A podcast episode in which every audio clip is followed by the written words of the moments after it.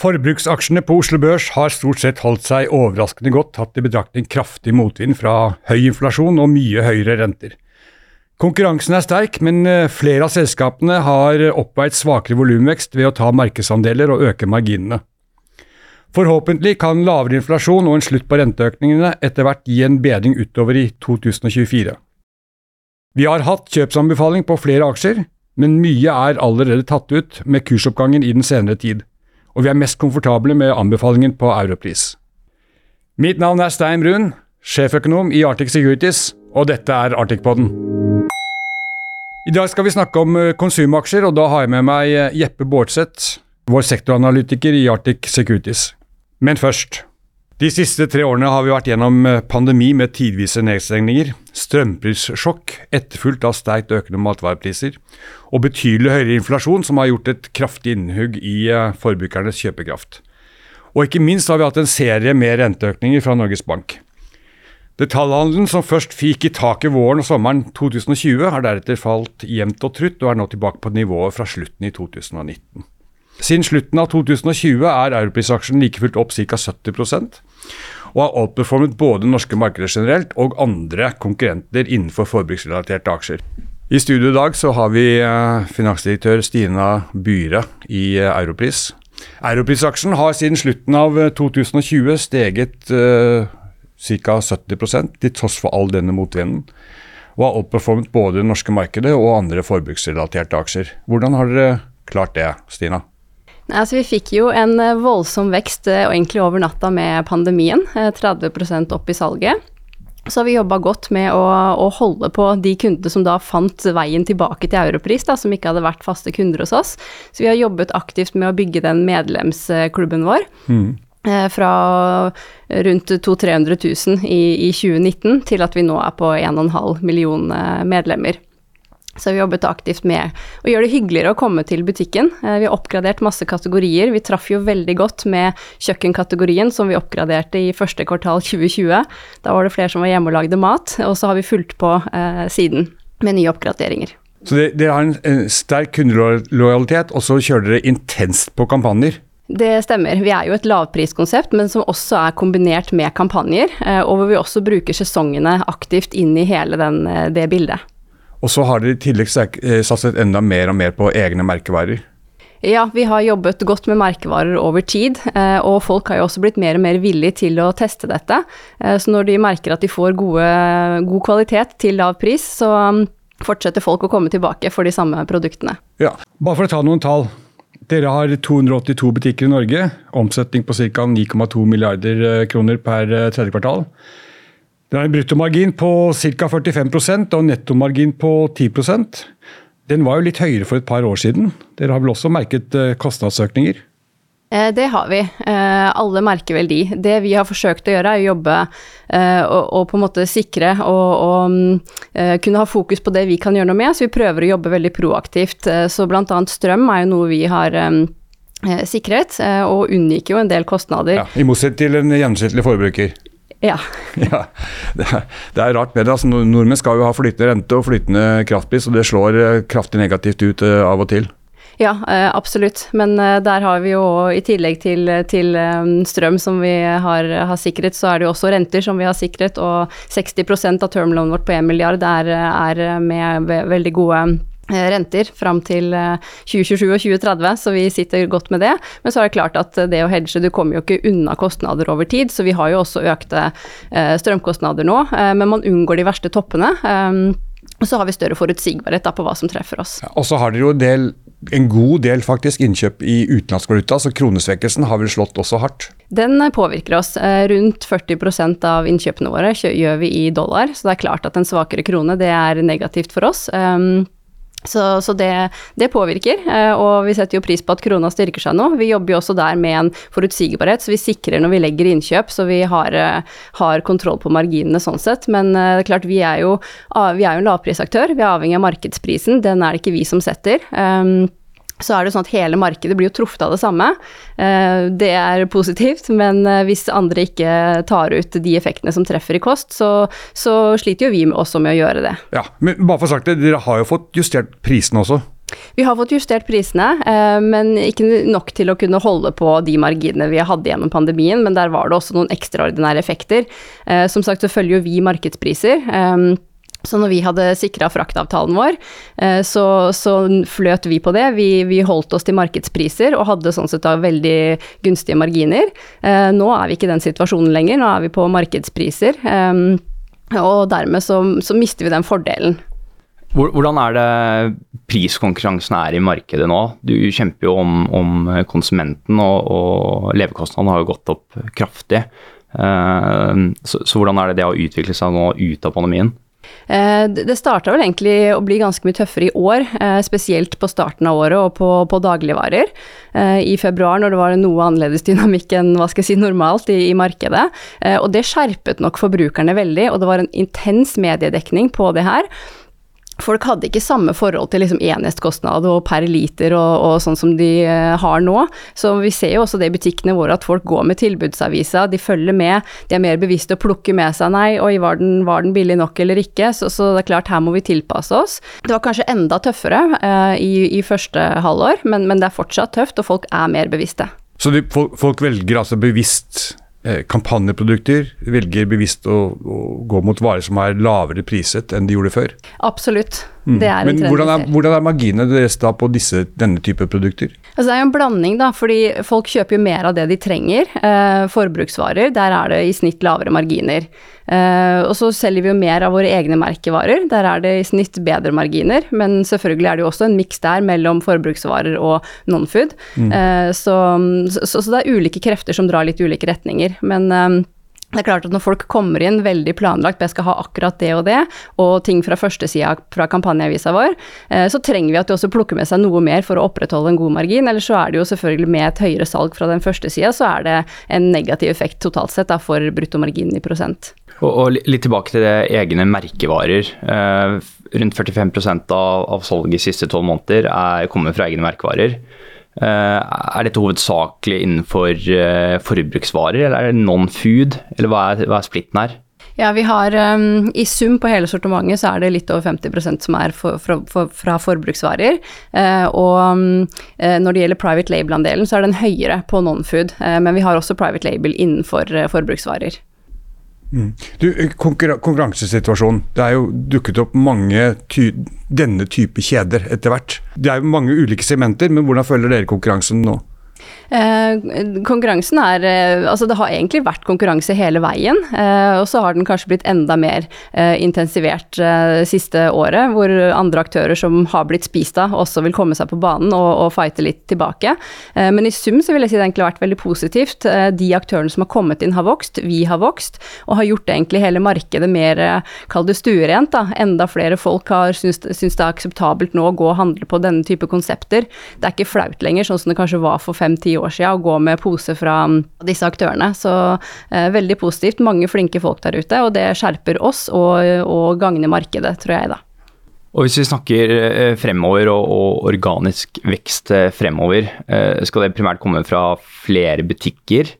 Eller skal dette være, være at man, man, tar markedsandeler fra typiske dagligvarekjeder eller andre bredt vareutvalgskjeder? Eh, det vil være en blanding. Eh, vi har jo en ambisjon om å, å, eh, vokse med rundt fem butikker i året. Det kan være flere, det kan være færre, men i snitt at det er det. Og det er en del år til vi kan gjøre det, selv om vi begynner å få et stort fotavtrykk. Og så har vi også en ambisjon om at vår like for likevekst skal være høyere enn markedet. Så det kjemper vi for hele veien. Mm. Dere har også en eierandel i svenske ØOB, 20% Hvordan skiller det svenske markedet seg fra, fra det norske? Eh, det er litt mer intensivt eh, press på pris, eh, marginer, så det er tøffere i Sverige. Det er det. Men hvordan skal man da oppnå lønnsomhet i Sverige hvis dere går inn for fullt i ØOB? Ja, vi har jo en plan på å jobbe spesielt med non-food-biten av, eh, av, konseptet der. Eh, gjøre den delen større eh, og også bedre. Vi har gjort mange gode kategorioppgraderinger i Norge. En organisasjon som har trenet seg godt på, på, hva som skal til. Så å ta mye av det vi har gjort i Norge og kjøre den reisen også i Sverige, er i så fall på, på blokka. Du, jeg begynte med å snakke om all, all den motvinden som har vært for forbrukerne de siste årene. Hva, hva tror dere om neste år? Eh, jeg tror det blir litt tøffere før det blir bedre. Um, vi har jo hele tiden egentlig venta på når smeller det ordentlig, uh, og det syns vi vel heller at det har tatt litt lengre tid enn vi trodde. og vi tror fortsatt at det er litt foran oss, for det er noen renteøkninger til som ikke ordentlig har festa seg. Og så er det sånn at nå er vi inne i jul, folk skal ofte ha jul. Og få litt bedre utbetalt eh, med hvordan skatten er distribuert gjennom året på desemberslippen. Eh, så, så, jeg tror nok at eh, når det kommer til januar, så er det nok noen som kommer til å tenke seg om enda en ekstra gang. Mm, så dere venter ikke noe sterk omsetningsvekst i 2024? Nei, altså vi, vi, ønsker å slå markedet, det er vår ambisjon. Eh, og så får vi se hvordan det er. Men det er tøffere der ute. Det så man jo også fra Q3-tallene, hvordan bredt vareutvalg var da. I forhold til når oktober kom, så så man at det var et taktskifte. Mm. Eh, og folk er mer bevisste nå. Så slå markedet og opprettholde marginene, det er uh, slagordene? Ja, det kan du si. Takk skal du ha, Stina. Tusen takk. Jeppe, du dekker en del forbruksaksjer, og det er jo en ganske broket forsamling med, med Orkla på toppen, som dekker hele spekteret. Og via Europris, som er eh, for så vidt bredt vareutvalg, til mer snevrere Kid interiør og XXL. Som vi snakket om i sted, så har det jo vært veldig mye motvind for forbruket de siste, siste årene. Men uh, både Europris og Kid har jo outperformet børsen, i hvert fall det siste året. Orkla er vel sånn omtrent på linje med markedet generelt, mens uh, det siste året så er kursen på XSL halvert. Det siste er vel ikke særlig overraskende? Nei, det, det kan du jo si. Eh, sportsbransjen har kanskje hatt, hatt den største motvinden av alle disse segmentene du, du nevnte, og de selskapene vi, vi dekker. Eh, det har særlig vært, eh, vært veldig høy konkurranse.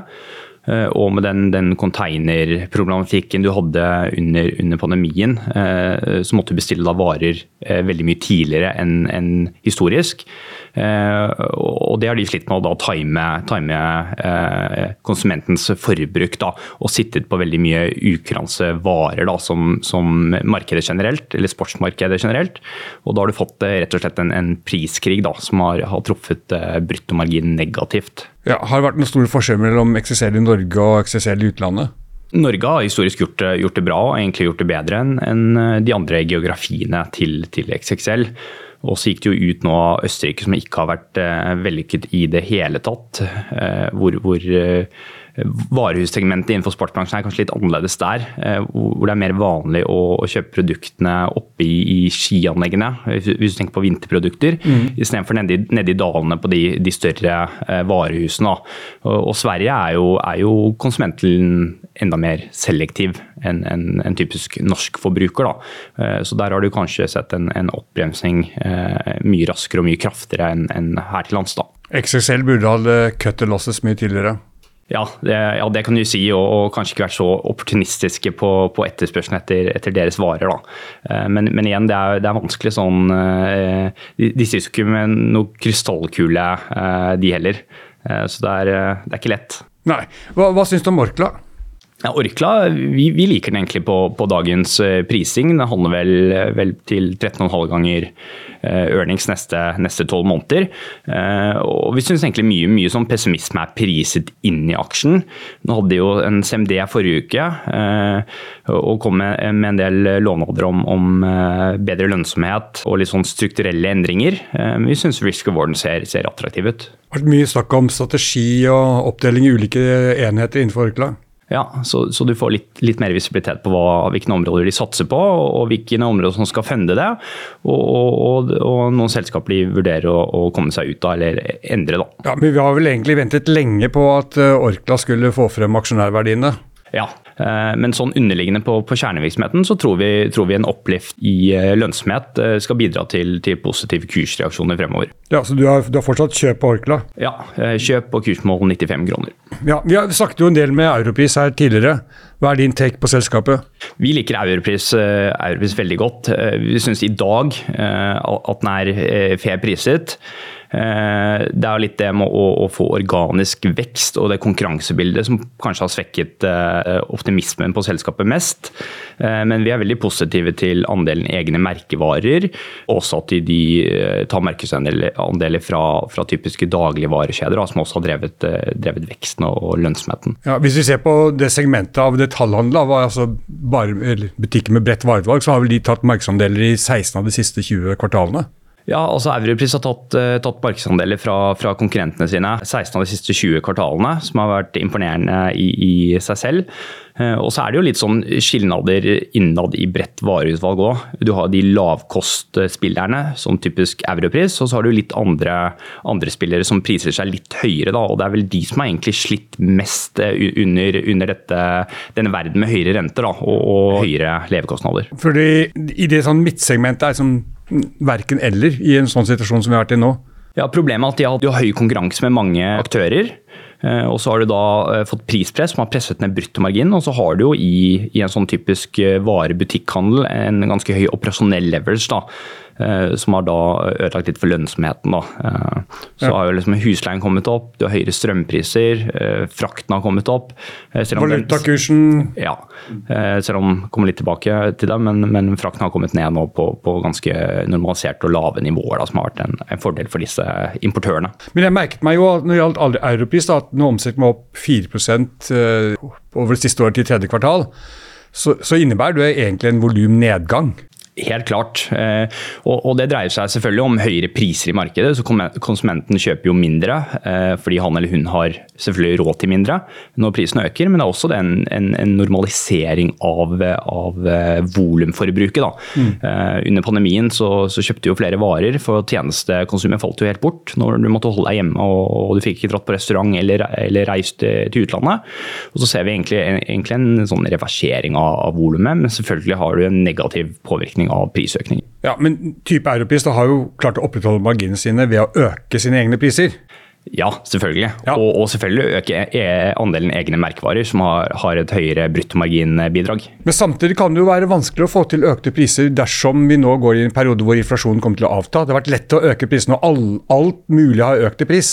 Så kan du legge på dine egne også. Men i en situasjon hvor inflasjonen kommer ned, kan det kanskje være vanskeligere. Ja, helt klart. Eh, og det ligger i hvert fall vi med, men vi tror også konsensus ligger med, med lavere bruttomarginer eh, fremover. da, forhold til, forhold til, det vi så på peak under pandemien. Eh, men vi tror fortsatt på høyere bruttomarginer forhold til da pre-covid-nivåer.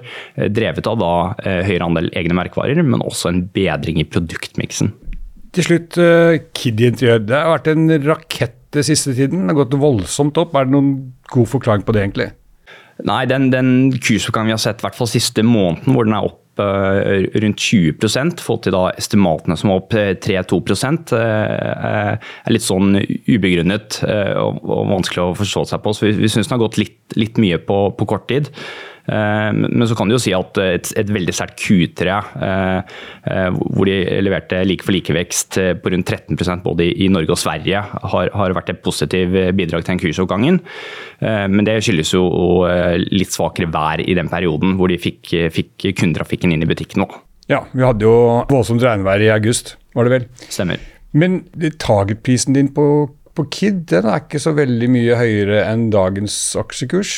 Nei, den er, den er faktisk under eh, dagens aksjekurs. Den er på 105 kroner, som vi fortsatt mener på våre estimater er, er, en fair pris eh, for, eh, for eh, caset. Det er rundt 12,5 ganger eh, earnings i, i 2024, eh, som er faktisk over femårssnittet på, på rett under 11-gangeren.